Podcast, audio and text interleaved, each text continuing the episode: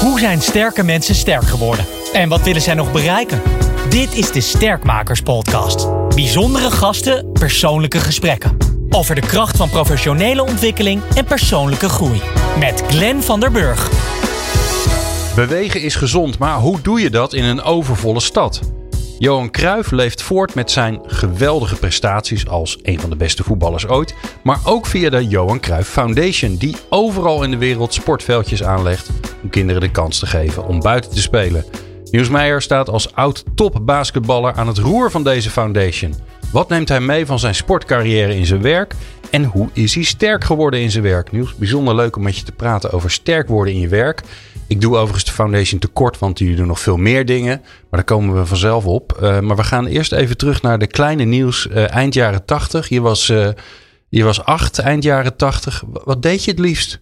Ja, toen ik acht was, ja, toch, toch ook wel echt sporten en spelen. Ja? ik was een, een energiekind die zijn energie kwijt moest.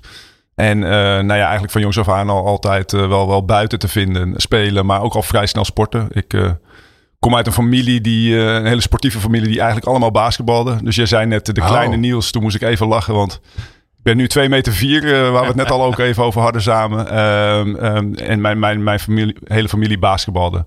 Dus uh, eigenlijk vanaf mijn zevende al ook aan het basketballen geslagen. Oké, okay, ja. Dus er was ook niet echt een, een vraag wat je zou gaan doen.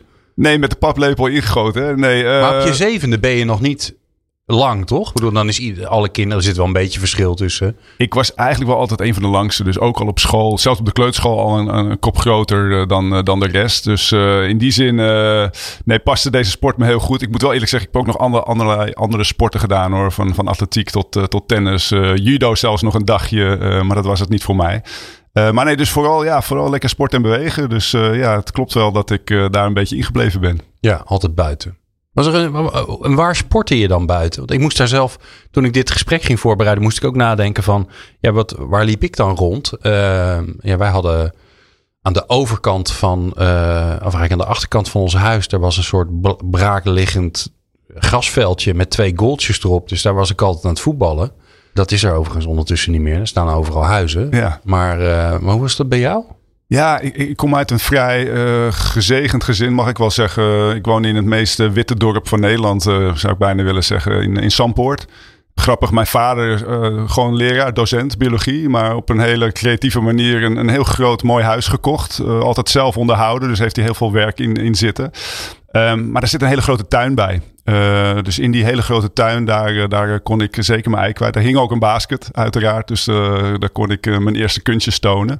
En tegelijkertijd ook naast een school met een groot schoolplein. Dus ja, ja. ook daarin wel de vrijheid. En het mooie aan een dorp vind ik helemaal toen nog... is, is je fietst op straat, je, je wandelde op straat, rennen. Toen, was er, toen leek er nog geen gevaar. En, en dat lijkt in deze tijd nog wel eens anders. Ja, maar je zegt het al. Hè? Het, nu, toen leek er geen gevaar. Ja, of we zien het gevaar nu ineens veel meer natuurlijk. Dat kan natuurlijk ook. Dat we ons veel meer zorgen zijn gemaakt. Ja, 100 procent. Ik, uh, ik zal straks inderdaad wat vertellen over de projecten. Maar ik uh, ben vorig jaar in een vluchtelingenkamp geweest op Samos uh, in, Lesbos. Uh, daar spelen de kinderen met, met nou ja, metalen, met glas. En, en, en, en de ouders vinden het allemaal oké. En het gaat ook oké. Natuurlijk is dat niet de omstandigheden waarin je ze wil hebben. Maar ik denk inderdaad dat wij een, een stukje uh, nou ja, te, te, te voorzichtig zijn geworden als Te ouders. hygiënisch, te netjes, te veel zorgen maken als er een keer een knie kapot gaat. 100 procent. Ja, ja, dus ouders als je luistert, uh, kinderen moeten ook vallen. Zeker weten, gooi ze naar buiten. Ja, gooi, gooi ze naar buiten, ja. hey, um, um, je begon al even over je ouders. Wat heb je van je ouders meegekregen?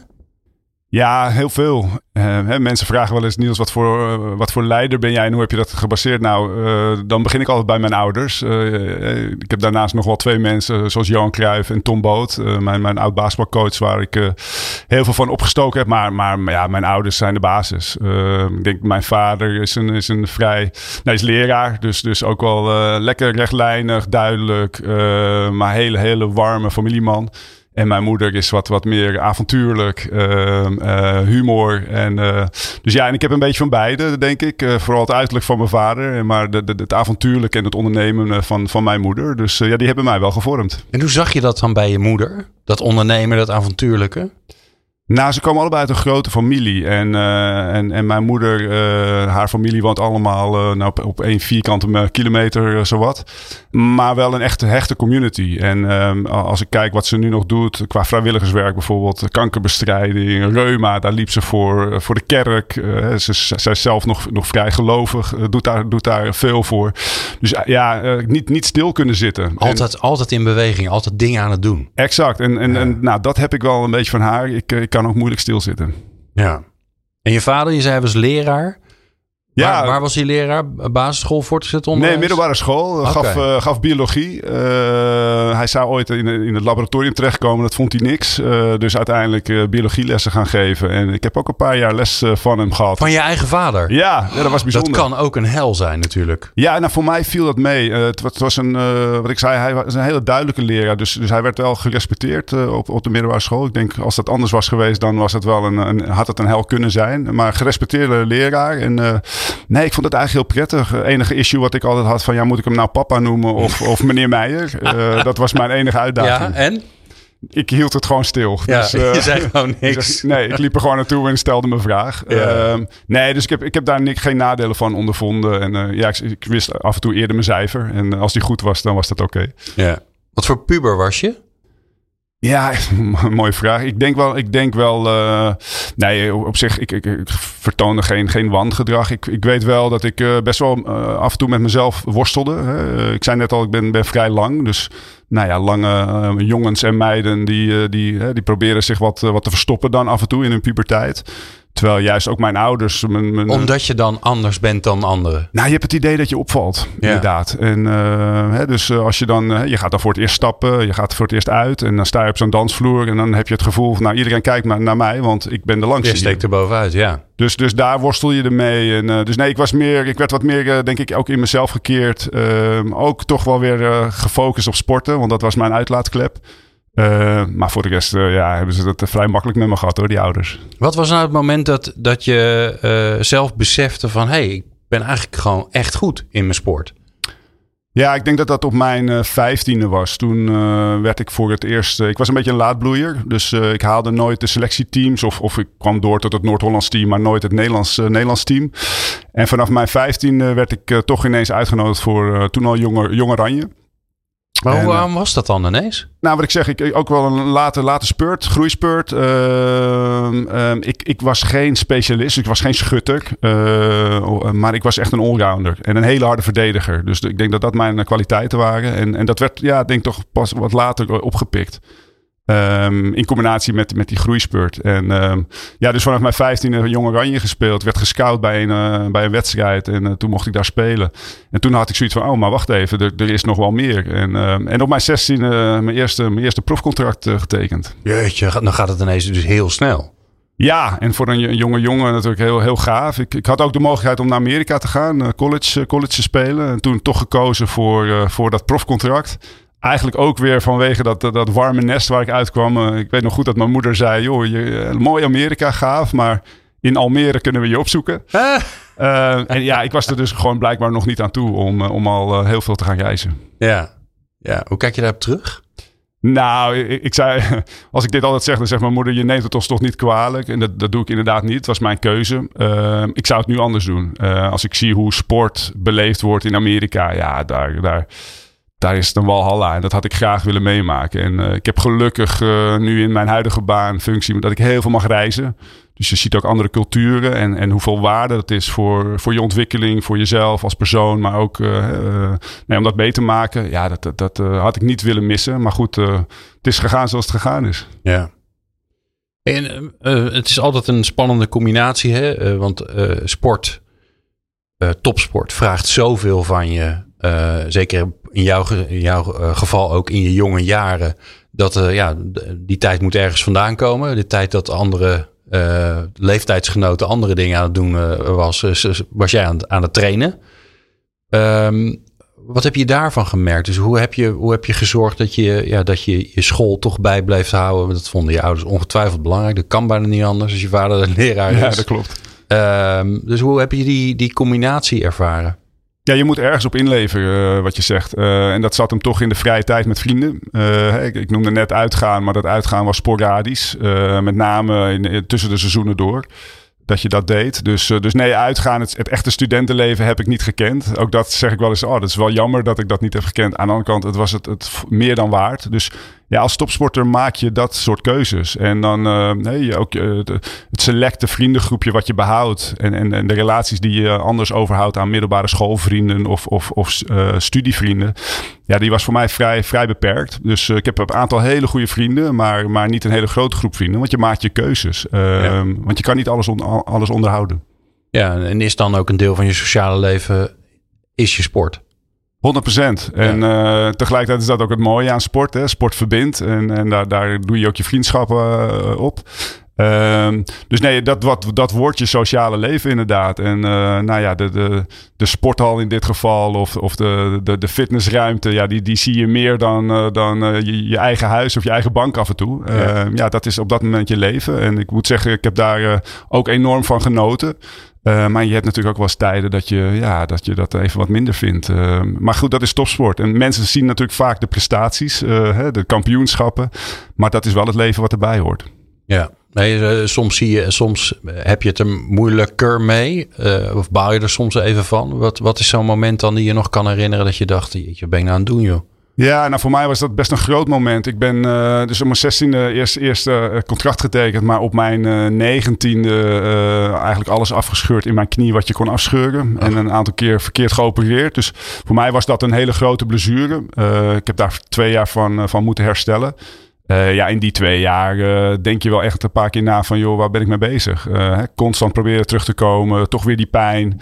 Uh, uh, ja, het vraagt gewoon heel veel van, niet alleen fysiek, maar juist ook mentaal. Uh, en ja, daar, daar moet je een grote mate van doorzettingsvermogen voor creëren. Ehm, en dat is mij toen gelukt. En uiteindelijk neem je dat ook mee in de rest van je leven.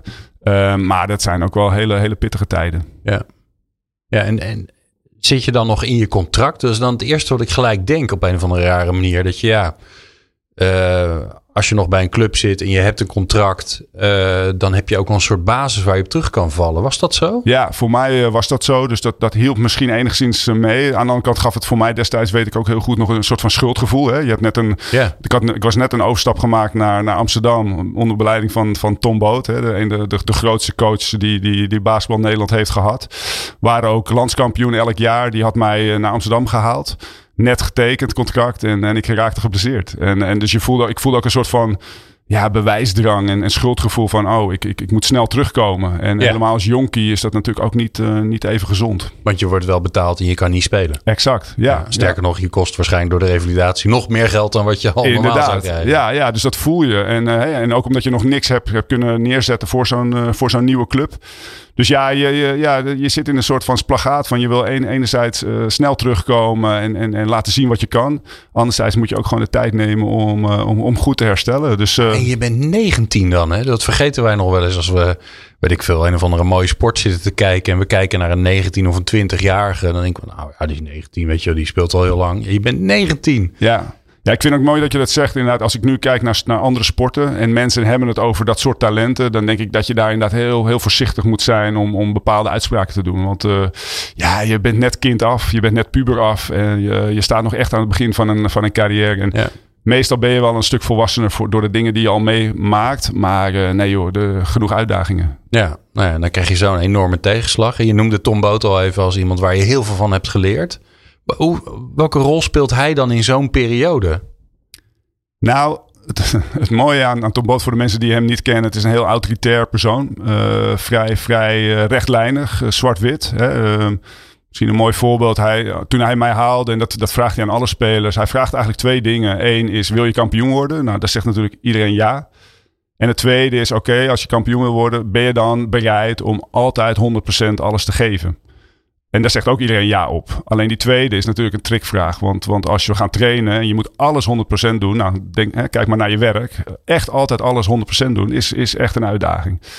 Um, het rechtlijnige daarin ook. Dus, dus toen ik geblesseerd raakte. Ja, ook daarin verwachtte hij dat ik 100% ging revalideren. Uh, Maar tegelijkertijd hoorde ik ook niet echt bij het team. Dus hij, hij liet me ook een beetje links liggen. Dus Ja. dat maakt het af en toe nog wel eens eh, zwaar. Dus enerzijds hele grote verwachtingen.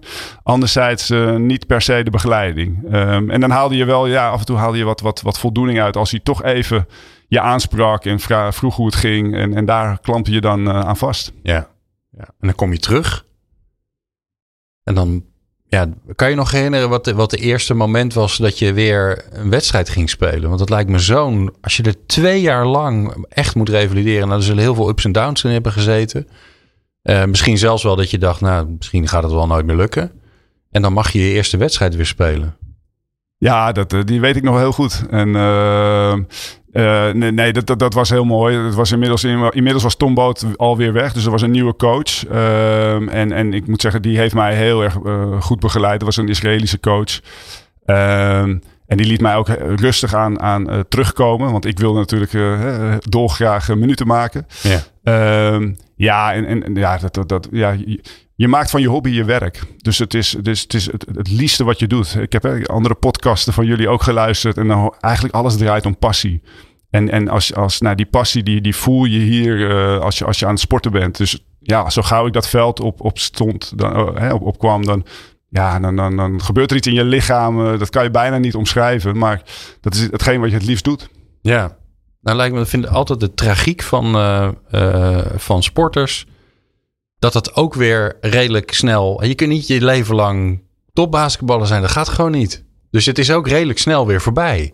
Ja, ja, tenzij je natuurlijk echt de top haalt, hè, dan, eh, dan blijf je in dat wereldje vaak wel. Eh, hè, NBA is natuurlijk in basketbal het hoogst haalbare. Nou, ik, ik had echt wel veel talent. Ik had best wel misschien in Europa kunnen spelen en, en mooi mijn geld kunnen verdienen, maar vanwege de blessure niet. Dus dat is misschien het grootste van mijn frustratie ligt daar wel. Hè. What if? Wat, Mm. hoe, eh, had ik, wat, wat was mijn max? Heb ik nooit kunnen achterhalen.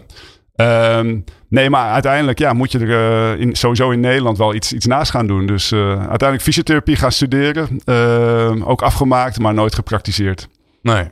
Wanneer ben je gestopt met basketbal? Wanneer was het klaar? Ja, op, op 28-jarige leeftijd eh, moeten stoppen. Ehm, Moeten mijn- stoppen. ja, mijn knie, mijn knie was klaar. Die, die, die, eh, na elke wedstrijd was, eh, zat er vocht in. En, eh, Nooit meer echt, echt helemaal goed gekomen. Nee, ik heb een paar mooie jaren Nederlands team mogen spelen, kampioenschappen mogen behalen, maar eigenlijk altijd met pijn gespeeld, pijnstillers eh, veel gebruikt. Dus eh, nee, de, de, de, de passie waar ik het net over had, die, die, die, ja, die, die ebte langzaam uit mijn lichaam, omdat je gewoon met, met andere dingen bezig bent. Dus eh, nee, toen de keuze gemaakt van joh, eh, ik ga de top niet halen, dus dan is het ook goed om eh, eh, elk nadeel heeft zijn voordeel, eh, vroegtijdig te, te beginnen met, met de volgende carrière. Ja. Nou, laten we even naar het nu. we gaan even doorspoelen naar het nu.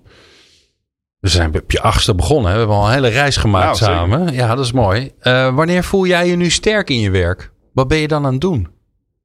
Ehm, ja, stiekem toch wel als ik een beetje op de voorgrond sta. Ehm, de meeste leiders zullen dat misschien niet over zichzelf zeggen, maar dat, dat durf ik toch wel te zeggen. Eh, ik hou ervan om op een podium te staan of om grote evenementen, grote projecten, eh, nou, toch wel eh, aan het voor, aan, in ieder geval aan het front te staan. Dus eh, voorop in de strijd.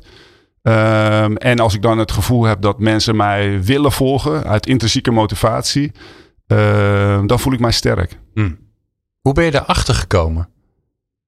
Ja, toch gewoon door in het diepe te springen. Ehm, wat ik zeg, ik was fysiotherapeut, maar nooit gepraktiseerd. Ik zag mij niet in, in zo'n hokje staan de rest van mijn leven. Dus ik ben uiteindelijk een, eh, een sportmanagement eh, master gaan doen aan het Cruijff Instituut. Ehm, en daar gewoon wat facetten meegekregen van marketing en finance. Maar eigenlijk weet je dan nog helemaal niks. En eh, lekker onderaan begonnen als programmacoördinator. En, en uiteindelijk was ik manager van het Cruijff Instituut. Dat is de, de academische tak van, van de wereld van Cruijff. Ehm, ja, en, en dat ging eigenlijk heel goed. En, eh, en eh, tot negen jaar geleden inderdaad, eh, Johan Cruijff en mijn voorganger mij vroegen om, om de Cruijff Foundation over te nemen. En ja, toen was ik eh, 32, 33. Dus had ik eigenlijk nog steeds geen idee. Dus ik Maar- gewoon gaan doen. Johan Cruijff heeft jou gevraagd. Ja, dat, Maar hoe bizar is dat? Dat was een heel bijzonder moment inderdaad. Eh, ik weet het nog goed, bij een wedstrijd van Ajax in de Arena. Ehm, en dan zaten we op de tribune. En eh, gewoon een beetje hebben over, joh, eh, nee, wij vinden wel dat jij die Cruijff Foundation moet gaan doen. En succes, eigenlijk succes ermee. Ik kreeg niet eens een kader mee of wat dan ook. En, Maar even, even schets het beeld. Want wij kennen natuurlijk, wij, iedereen, nou ja, als je niet heel jong bent, kent Kruif. Uh, maar dan natuurlijk totaal oppervlakkig van uh, nou ja, de, de one-liners, de, de korte interviews die je hebt gezien en de fantastische voetbalprestaties natuurlijk. Maar jij zit naast die man die, die voor ons een soort grootheid is met heel veel afstand. Maar jij kent hem ondertussen goed, kan ik me voorstellen. Ja. Jij zit naast hem en dan zegt hij, uh, Niels. ja, even aan zijn neus zittend. Ja, uh, beetje, nou, beetje ja, precies. En dan zegt hij, uh, ik vind dat jij dat moet gaan doen. Nou, zijn voorganger had mij gelukkig al, al, al voorbereid en ingefluisterd. Dus ik wist, ik, eh, de, de vraag was al geweest. Uh, en inderdaad, Johan bevestigde dat, dat daar. En, en gewoon met hem gehad over, over de toekomst. En joh, hè, waar, waar wil je dan dat we heen gaan? En nou ja, dan, dan gaat Johan een heel verhaal afsteken. Uh, begint ergens en met een hele grote omweg komt hij uiteindelijk weer uh, terug bij, bij je eigen vraag. ik kan me voorstellen dat je dat moment eigenlijk had willen opnemen. Ja. Toch? Ja, dus, maar dat, niet alleen dat moment. Ik heb inderdaad ja. wel meer momenten met hem gehad dat ik denk van, ah, wat. Ook, ook, ik denk dat het wel eens onderschat wordt hoe, hoe, hoe intelligent Johan was. Um, en en uh, natuurlijk wel op zijn eigen manier, heel straat, straatwijs, uh, streetwise, maar uh, enorm intelligent. En ja, ik heb heel veel mooie gesprekken met hem gehad waarvan ik dacht van, oeh, dat, hier raak je wel de kern. Hmm. Ja, eh, interessant. Er blijven we natuurlijk ook wel even. Want je, eh, je noemde Johan Cruijff ook als iemand die heel uh, bepalend is geweest. voor nou, hoe jij kijkt naar leiderschap, naar sterk worden in je werk. Wat, ja, het is bijna een onmogelijke vraag. Maar wat, wat is je bijgebleven? Wat heb je geleerd? Nou, van hem toch wel. En ook, ook van Tom Bo, toch dat authentieke. Uh, dus vooral, vooral het doen op je eigen manier. Uh, Johan heeft daar ook een mooie, mooie uitspraak van. Uh, je kan beter ten onder gaan aan je eigen visie dan een visie van een ander. Uh, die is mij wel bijgebleven. Van, van vooral op je eigen manier doen. Uiteraard de elementen halen van, van mensen om je heen waarvan je kan leren. Van organisaties om je heen waarvan je kan leren. Maar wel altijd met je eigen, eigen sausje. Um, dus nou ja, toen al Johan overleed, we hebben ook een aantal waarden van hem uh, uh, uh, opgeschreven. Die we altijd volgen in alles wat we doen. Die zijn heel, nou, eigenwijsheid van Johan. Johan was natuurlijk reet eigenwijs en, en soms zelfs een rebel. Hè, waar, waar mensen links gingen, ging hij rechts. maar ook positief, altijd positief. Elk nadeel heeft zijn voordeel. Hè? Nooit altijd kijken naar de kansen. Uh, ongelooflijk toegankelijk was Johan. Hè? Dus, dus uh, als hij op een evenement was, hij sprak met iedereen en had, nam voor iedereen even de tijd. Dus ook voor onze organisatie geldt dat wij zo goed toegankelijk mogelijk willen zijn. Ik beantwoord mijn eigen mailtjes, uh, ik neem mijn eigen telefoon op. Um, en wat ik daarvan heb geleerd is, is dus niet alleen de waarden van Johan zijn heel belangrijk voor de organisatie, maar ook de waarden van mij en natuurlijk van mijn, van mijn team. Ja. Dus ik heb ook heel erg ben ik bezig gaan met mijn eigen waarden. En ik geloof heel erg in nou ja, het leiderschap in, in, in de vorm van waarden. Ja, nou, kom maar op. ja, ja, die voorzet die moet ik inkoppen natuurlijk. Ja, ja, dat, dat, ja. nou ja, kijk, ik, ik zei het net al, het begint met, met passie. Um, en wat ik al zei, dat heb ik bij meerdere van jullie podcasten gehoord. Uh, je echt doen wat je leuk vindt. En dat is een inkoppertje. Uh, maar het is een van de moeilijkste dingen die er is. Want wat vind je nou echt leuk? Uh, um, dus, dus dat is wel een hele lastige. Um, daarna uiteraard altijd met een doelstelling. Dus uh, je moet ergens naartoe werken. Als je niet ergens naartoe werkt, in de sport is dat kampioen willen worden ja, dan moet je heel helder hebben, wat, wat houdt dat voor ons in, dat kampioen worden. Dus, uh, dus een van mijn waarden is, is winnen. Uh, en ik ben stiekem erachter gekomen een paar jaar geleden dat het eigenlijk is niet willen verliezen. En dat zijn wel twee verschillende dingen. Ah, leg het eens uit, wat is het verschil? Nou, voor mij is het bij het niet willen, niet willen verliezen zit, zit een stukje onzekerheid. Hè, dus dus je, je klampt je aan alles vast om maar niet te verliezen. Uh, ik vind winnen positiever. Uh, dus de laatste paar jaren heb ik dat ook wel kunnen, kunnen omturnen van ja, we gaan gewoon winnen. Uh, maar dan moet echt, je moet gewoon mooie doelstellingen hebben die je met elkaar wil gaan halen. Ehm, dus dat is een hele belangrijke voor mij. Ehm, een andere is, is, is openheid. Ehm, ik heb wel eens Toon Gerbrands, de, de, de volleybalcoach, die heeft als de, de vraag gesteld: moet je als leider moet je altijd eerlijk zijn? Nou, ik vind van wel. Okay. Hè, dus, dus als je mij een vraag stelt, dan krijg je een eerlijk antwoord zo eerlijk mogelijk. Um, ook de moeilijke vragen. Maar ik geloof heel erg in die, in die, in die openheid, in die, in die eerlijkheid. Want uiteindelijk, en dat is een volgende waarde van mij, uh, creëer je daarmee vertrouwen. En ik geloof heel erg in vertrouwen. Op de werkvloer, tussen, tussen personen zelf. Want dan kan je ook makkelijker winnen. Ja. Ehm, ja. Ja, het grappige is, als je het over winnen hebt, dan denk ik, oké, en je, je, is voor jou belangrijk, is een belangrijke waarde, uh, die je ook in je team uit, uh, uitdraagt. En dan, en dan zit je bij de Johan Cruijff Foundation. En ja, van wie moet je dan eigenlijk winnen? Ja. Want, want jullie helpen iedereen en jullie doen hartstikke mooie dingen uh, om, uh, nou, bijvoorbeeld met kinderen met een beperking, om, die, om daar allerlei mooie events voor te organiseren, om ze te laten sporten. Ehm, dus ja, van wie ben je dan aan het winnen? Nou ja, dat is natuurlijk het mooie. Kijk, uiteindelijk zijn wij gewoon een organisatie net als een ieder. Dus je bent gewoon een bedrijf. en zo, zo benader ik het in ieder geval wel. Dus je hebt, gewoon, je, je hebt gewoon je targets, je hebt gewoon je doelstellingen. Um, het mooie is, we proberen, ik probeer natuurlijk ook zoveel mogelijk de sportmetafoor toe te passen op, op, op het bedrijf. Um, ik vind het ook nog wel eens interessant, hè, want je hoort vaak topsporters die dan na hun carrière allemaal bedrijven gaan adviseren over uh, nou ja, een stuk leiderschap. Ik denk dat heel, heel veel daarvan, heel veel bedrijven kunnen leren van de topsport, maar er zijn ook absoluut verschillen. Uh, toen ik nog basketbalde, was het kampioen worden, maar het was vooral ook de eerstvolgende wedstrijd weer winnen. En elke week had je een wedstrijd. Dus dat waren hele duidelijke en tastbare doelstellingen. Nou, in, in het bedrijf heb je dat niet. Dat zijn vaak langere termijn doelstellingen die je wil halen. Dus dat is echt wel compleet anders. Maar er zijn wel degelijk doelstellingen. Dus, uh, dus nee, wij proberen elk jaar het beter te doen. Dat zit hem uiteraard financieel, maar dat zit hem vooral, wij rekenen ons vooral onszelf af op, eh, op de impact die we maken. En in dit geval de impact uh, inderdaad op, op de kinderen die, wij, nou ja, die wij bedienen. Ja. Um, nou, is uh, Johan is er niet meer. Praat er over hem alsof het uh, mijn buurman is. Meneer Kruif is er niet meer. De grootheid Johan is er niet meer. Um, um, wat merk je nou van... Want uiteindelijk, wat jullie doen hangt ook vast aan zijn legacy. Wat merk je daar nou van? Want het is best ondertussen heel lang geleden dat die man gespeeld heeft.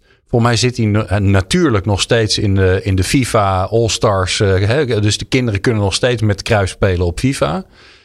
Maar ik kan me ook voorstellen dat dat langzaamaan dat dat een beetje uitdooft of zo. En dat is natuurlijk wel ook een gevaar voor jullie stichting. Ja, ja absoluut een uitdaging. Uh, ik moet zeggen, in Nederland hebben we er nog geen last van. Uh, je merkt zelfs bij de, de, jongste generatie dat als je vraagt wie Johan Cruijff is, dat ze dat, uh, dat kunnen oplepelen.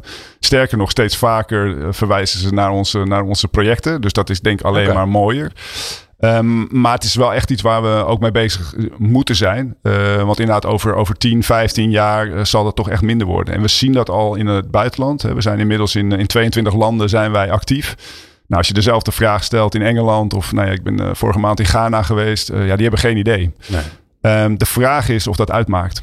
Um, hè, ik maak altijd een mooie verwijzing naar, naar KWF. Uh, hè, KWF, mensen denken vaak dat de K voor kanker staat, iets met kanker.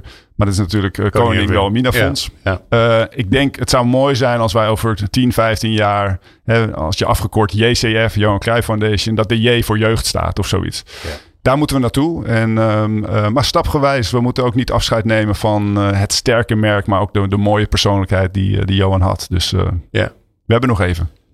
Niels, we gaan ons even laten verrassen. Um, um, ik ook, want ik weet ook niet wat er komt. Ik heb een, een mooi kaartspel voor mij liggen. Coach Kaarten heet het. gemaakt door Esperance Blauw, een prachtige naam. Um, die kun je ook overigens gewoon kopen. Uh, tot zover deze commerciële mededeling. Die staat uh, in, de, in de show notes kun je het linkje vinden. Um, het zijn allemaal eh, kaarten met allemaal vragen. Uh, allerlei soorten vragen, reflectievragen, toekomstvragen. Nou ja, ze zitten allemaal dwars door elkaar in. Dus ik haal er gewoon één uit voor je. Ja. En dan aan jou om hem voor jezelf voor te lezen. Dus om mijn vak nog makkelijker te maken. Nou, ik vind het gelijk een mooie. Uh, we hebben het er net over gehad. Wat betekent integ integriteit voor jou? Oh. Eerlijk, oprecht, goed, onomkoopbaar en onkreukbaar. Nou ja, ik, ik, zei net al, dit is een van, een van uh, mijn waardes. Uh, ik, ik geloof heel erg in openheid, eerlijkheid. hoe moeilijk ook. Hè, hoe... Wanneer wordt het moeilijk? Nou, ik, ik kreeg een paar maanden, een paar, nou, misschien een paar jaar geleden alweer, kreeg ik de vraag van Niels, word ik ontslagen? Uh, hè, of, of, wordt mijn contract verlengd? Ja, dat zijn, dat zijn normaal, hè, dat kunnen moeilijke vragen zijn. Helemaal, hè, wij zijn een klein team. Uh, hoeveel? Mannetje of 20, 23, nog drie in Spanje. Maar een klein team, een heel, heel uh, informeel team, uh, heel betrokken team. Ehm, waarin je ook echt nou ja, om elkaar gaat geven. En, en als je dan toch merkt dat, nou ja, om wat voor reden dan ook, het niet werkt. en je krijgt zo'n vraag van iemand die dat dus ook voelt of die al wat, wat hints heeft gekregen. Ja. ja, dan, dan ook dan open en eerlijk zijn. Ehm, hè, dus ik, ook daar ja, toch de metafoor naar de sport. In een kleedkamer, hè, wij noemen het ook kleedkamergesprekken die we dan voeren. In de kleedkamer geef je elkaar een schouderklopje als het goed gaat. Maar je zegt elkaar ook de waarheid als het, als het beter ook, moet. Joh, eikel. Uh, Paas die bal is. Ja, nou, je bent het ego. Ja. Ja. Dus nee, uh, open en eerlijkheid, uh, ja, dat, dat betekent voor mij heel veel. Maar misschien een beetje een raar zijstapje. Maar jullie, er zijn natuurlijk uh, kruifkoorts all over the world. Hè? Ik kan me ook voorstellen dat je op plekken komt uh, waar het niet zo uh, georganiseerd en niet zo netjes te, gaat als in Nederland, waarbij we nou ja, alles in 37 fout moeten aanvragen voordat we iets voor elkaar krijgen. Maar meestal is het dan wel nou ja, redelijk netjes gegaan. En dan hoef je niet iemand onder de tafel wat te betalen. Is dat nog een vraagstuk voor jullie als je nou ja, in Zuid-Afrika of waar dan ook ter wereld iets voor elkaar wil krijgen? Ja, 100%. Hè. Dus, dus heel, heel, kort wat wij doen is we creëren de ruimte voor kinderen en jongeren om ze om te ontwikkelen door middel van, van, van sport en spel. Om ze gezonder te maken, om sociale vaardigheden bij te brengen. En voor alle kinderen, hè, dus ongeacht religie, cultuur, achtergrond. Nou, inmiddels in 22 landen actief. Uh, met name ons bekendste project is inderdaad de Kruifkoorts. Um, in aandachtsgebieden, dus van de favela's in Brazilië tot de townships in Zuid-Afrika of de aandachtswijken in, uh, in Nederland.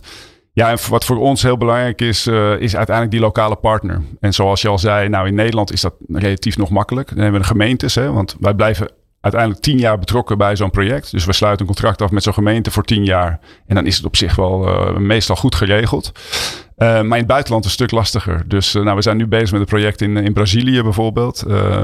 hopelijk wordt dat het Kruifkort Pelé. Ah, is nog cool. een beetje onder voorbehoud, maar wow. goed, hier, hier vastgedeeld. Ja, dan heb je echt te maken met andere autoriteiten. Dan heb je te maken met een lokale partij die het toch allemaal wat lastiger vindt. En dat moeten we heel goed managen. Maar dat, ja, dan, dan houdt het ook wel in dat het voortraject soms wat langer duurt uh, dan uh, tot de realisatie. Maar als het eenmaal gerealiseerd is, dan, dan staat het ook wel. Ja, ja, mooi. Mooie dingen doen jullie. Kan je nou nog in de. Want jou, jou, uh, uh, jouw basketbalcarrière uh, overlapt een beetje de, de start ook bij, bij de Kruif. bij de Kruif-organisaties, moet je ondertussen zeggen. Want ja. het zijn er meerdere. Um, kan je nog een, een fout of een blunder herinneren waarvan je ongelooflijk veel geleerd hebt? Nou, wel meerdere. nou, nee, ja. een, doe, kies eens een leuke uit.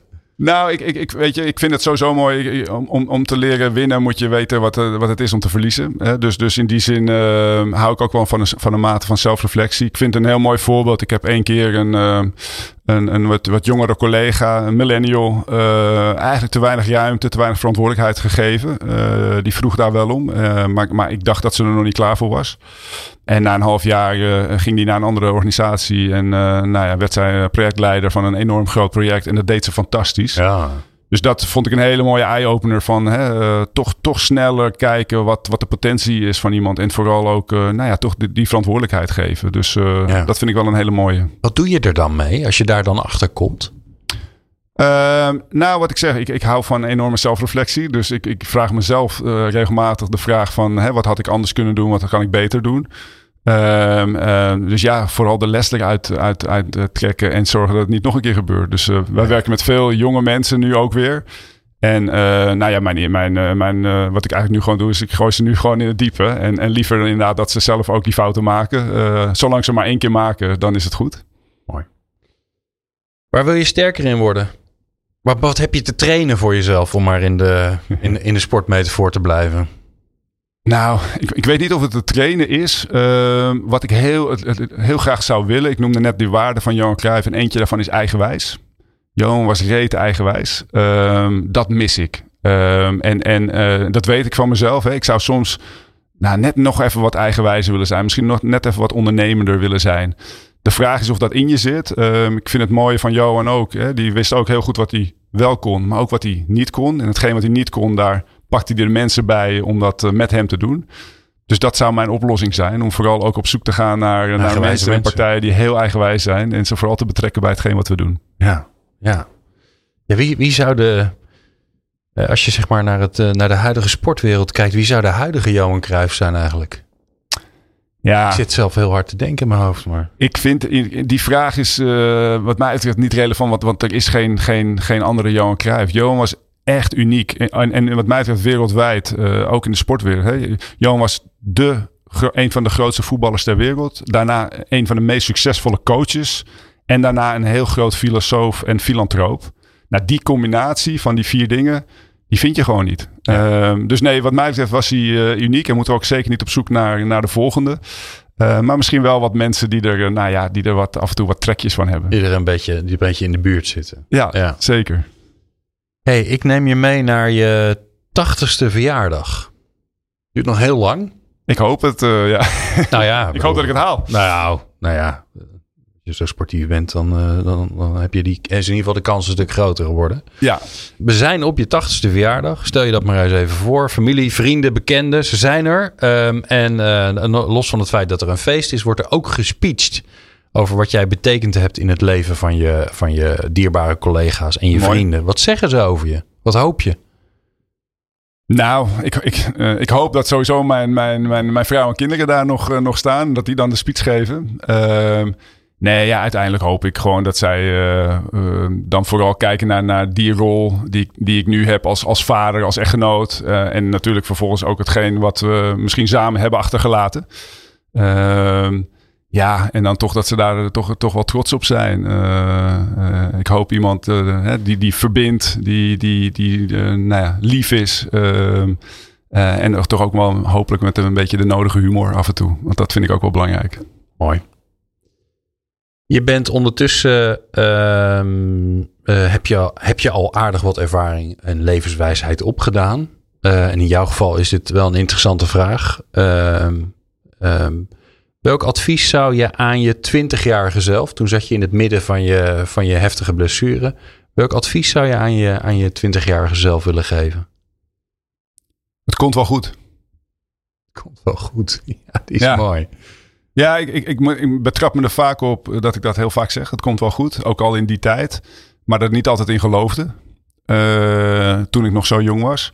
Nu geloof ik daar eigenlijk altijd wel in. Uh, waar een deur dicht gaat, gaat een deur open. Uh, en, en ik denk dat nou, als ik dat had gehoord van mijn toekomstige zelf, dan had ik dat uh, wat meer, beter aangenomen. Mm. Uh, ik denk dat, uh, dat ik toen heel veel zorgen nog maakte om heel veel verschillende dingen die er eigenlijk helemaal niet toe doen. en, en waar, heb je die, waar heb je die hoop vandaan? Waar, waar leer je dat? Want er zit heel veel hoop in, hè? Nou, je zei net al, ik ben op plekken geweest waar uh, het leven niet altijd even, even uh, mooi is. Of, of zoals wij dat hier kennen in Nederland. Hè, de townships in Zuid-Afrika, uh, Brazilië, naar het vluchtelingenkamp, wat ik net al zei. Hm. En als je ziet hoe mensen daar nog vol energie zitten, vol, vol passie. Nou, als dat daar kan, ja, dan kunnen wij dat in Nederland helemaal. Dus daar komt die hoop vandaan. En uh, ik denk dat een, een, een, mens aan zich een, een heel mooi wezen is. En, en, helemaal als ze met elkaar samenwerken, komen, komen we tot grootste dingen. Ja, daar zit wel een hele hoop hoop. Mooi. Ja. Ja, uh, grappig. Ja, ik ben zelf ook uh, in de townships in, in Kaapstad geweest. En ehm, ja, het is aan de ene kant is het shocking als je ziet. nou ja, deze veilige Nederlandse bubbel waar we met z'n allen in zitten. Als je ziet hoe daar mensen samenleven. Kinderen. Ja, ik, vond, ik vond het zelf heel grappig. Ik heb daar een fietstour gedaan. Dus ik fietste door, de, door een township heen. Met een, uh, met een local die uitlegde hoe het allemaal ging en zo. En, ja. uh, we waren daar uh, 16 jaar daarvoor ook geweest. Dus dan kan je ook zien wat er verandert. Hè? nou ja, wat natuurlijk vooral door Mandela aangezet is met onderwijs enzovoorts. En we fietsen daar doorheen en er renden kinderen achter ons aan. Die riepen iets. En ik zei, wat, wat roepen ze nou naar ons? Witte mensen, witte mensen riepen ze. ik dacht dat het iets heel leuks was wat ze riepen. Ja. Maar ja, die zagen ze natuurlijk heel weinig. Ja, maar dat is het. Ik, ik, kinderen zijn de puurste, puurste vormen die, die we hebben. Ja. En, en die, die zeggen alles, die doen alles. Maar, maar die moeten we dus ook heel goed begeleiden. En, en nou ja, mijn drijfveer is mensen ontwikkelen en helemaal kinderen ontwikkelen. En, en uh, in het werk uh, wat ik nu doe, kan ik dat doen. Ja, en dat is het, het mooiste wat er is. Want als je die kinderen een, een mo mooi perspectief kan bieden, ja, dan gaan we nog een hele mooie toekomst tegemoet. Ja. Uh, onze luisteraars luisteren natuurlijk uh, naar jou, naar je mooie verhalen, naar je, naar je geschiedenis. Luisteren tussen de regels natuurlijk ook door naar de, de Johan Cruijff Foundation. Als ze nou denken, goh, wat gaaf, ik wil eigenlijk wel helpen. Waar, wat heb je nodig? Waar zouden ze bij kunnen helpen? Ja, Nou, heel veel verschillende dingen. we hebben een aantal hele mooie evenementen waar, waar de deelnemers aan mee kunnen doen. We hebben afgelopen zondag onze, onze Cruijff Legacy 14K run gehad. 5000 deelnemers. Dus je kan samen met ons hardlopen voor het goede doel. We hebben een voetbaltoernooi tegen onze ambassadeurs, waar je lekker tegen je oude helden kan voetballen. Uh, dus dat kan allemaal. We hebben natuurlijk vrijwilligers nodig, handjes nodig, die ons met die evenementen, maar ook binnen onze projecten helpen. Um, dus nee, uh, mochten luisteraars uh, iets willen, mogen ze uh, zelfs met mij persoonlijk contact opnemen. Dus stuur een mailtje naar of ons infoadres of niels.krijvandezen.org. Ik, ik stuur een mailtje terug. Super. Ik heb nog een laatste vraag aan je.